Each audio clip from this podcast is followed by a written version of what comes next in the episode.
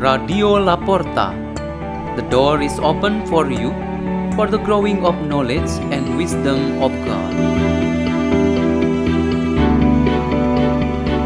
By the Laporta collaboration, led by Peter Tukan, priest of the Salesians of Don Bosco.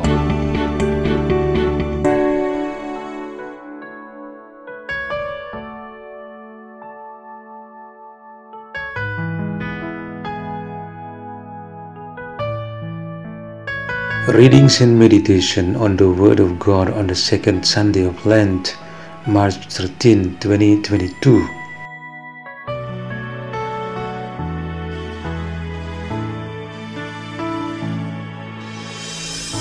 The reading is taken from the book of Genesis.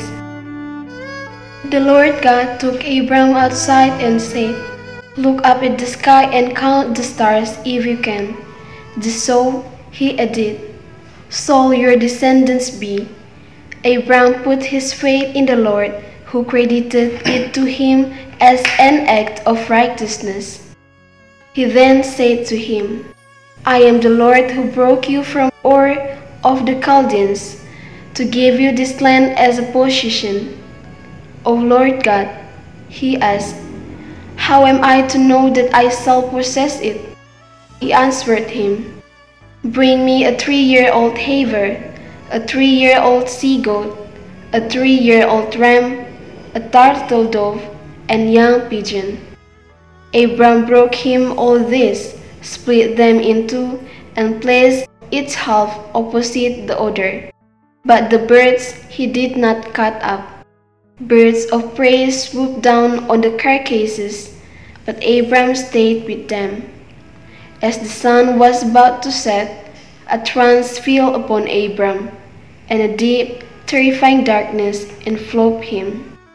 When the sun had set and it was dark, there appeared a smoking fire pot and flaming torch, which passed between those pieces. It was on that occasion that the Lord made a covenant with Abram, saying, To your descendants I give this land, from the valley of Egypt to the great river, the Euphrates. The word of the Lord.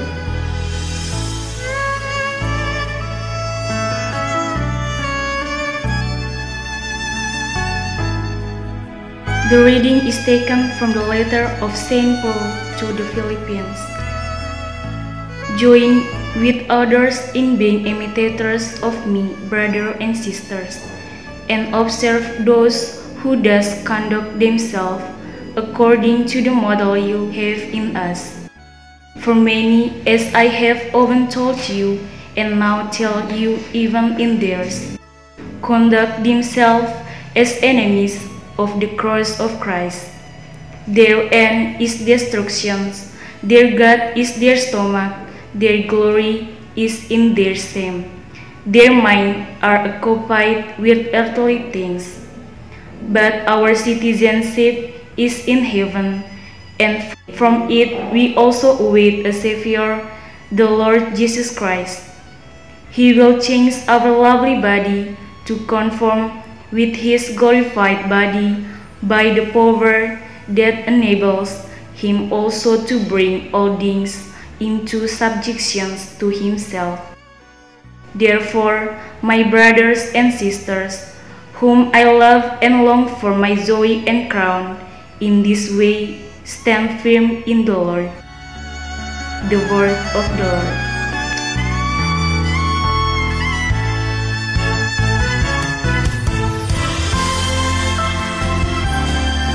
The Gospel of Jesus Christ according to Luke chapter 9 verses 28b to 36.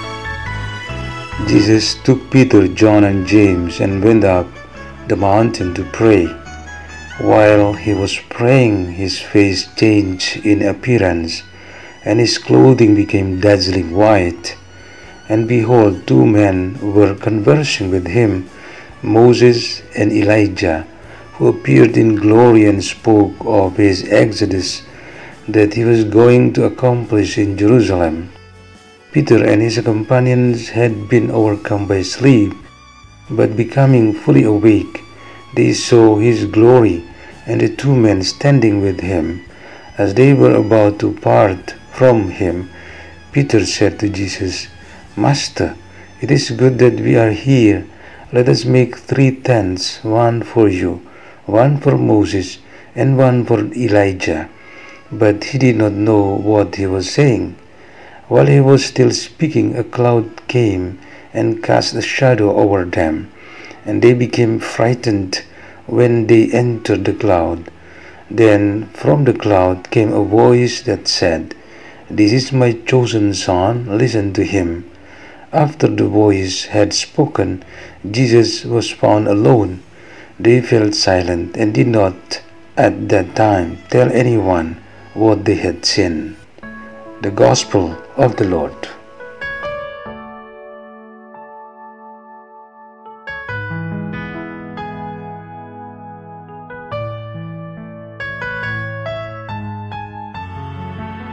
The theme for our meditation on the second Sunday of Lent is the new appearance.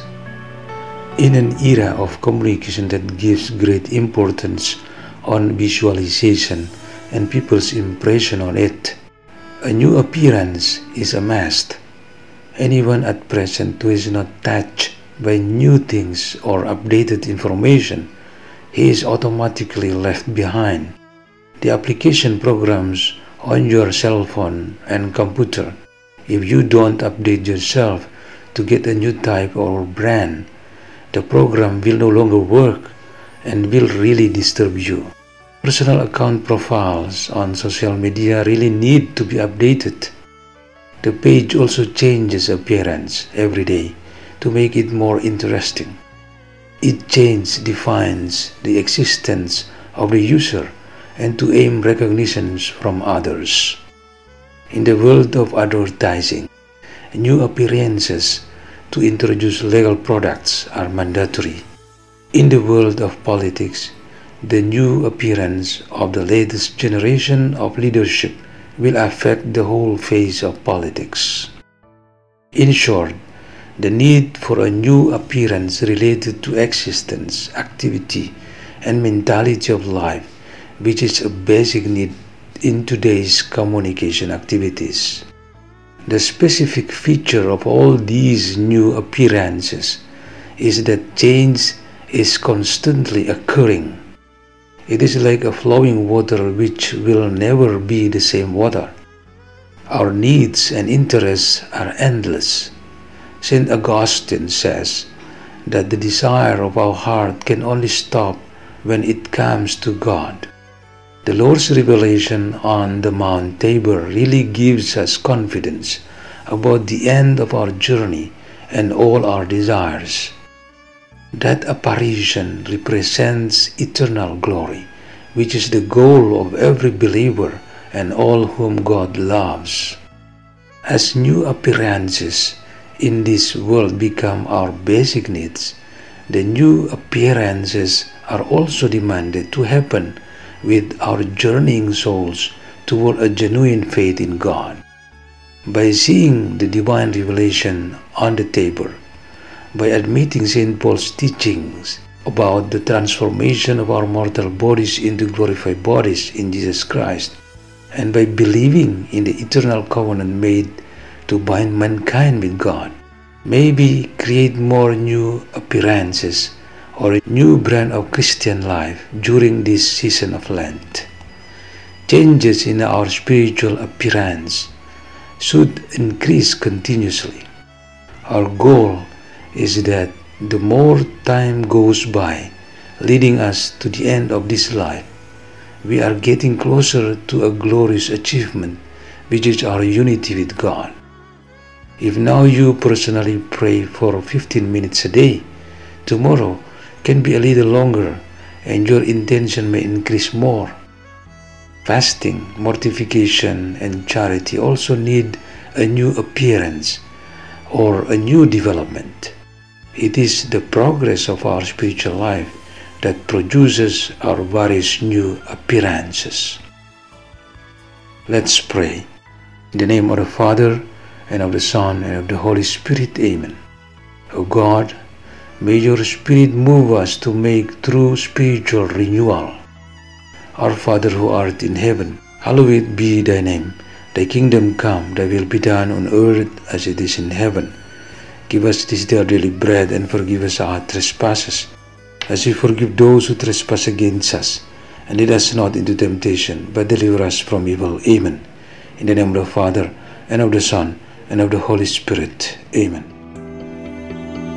Radio La Porta. The door is open for you.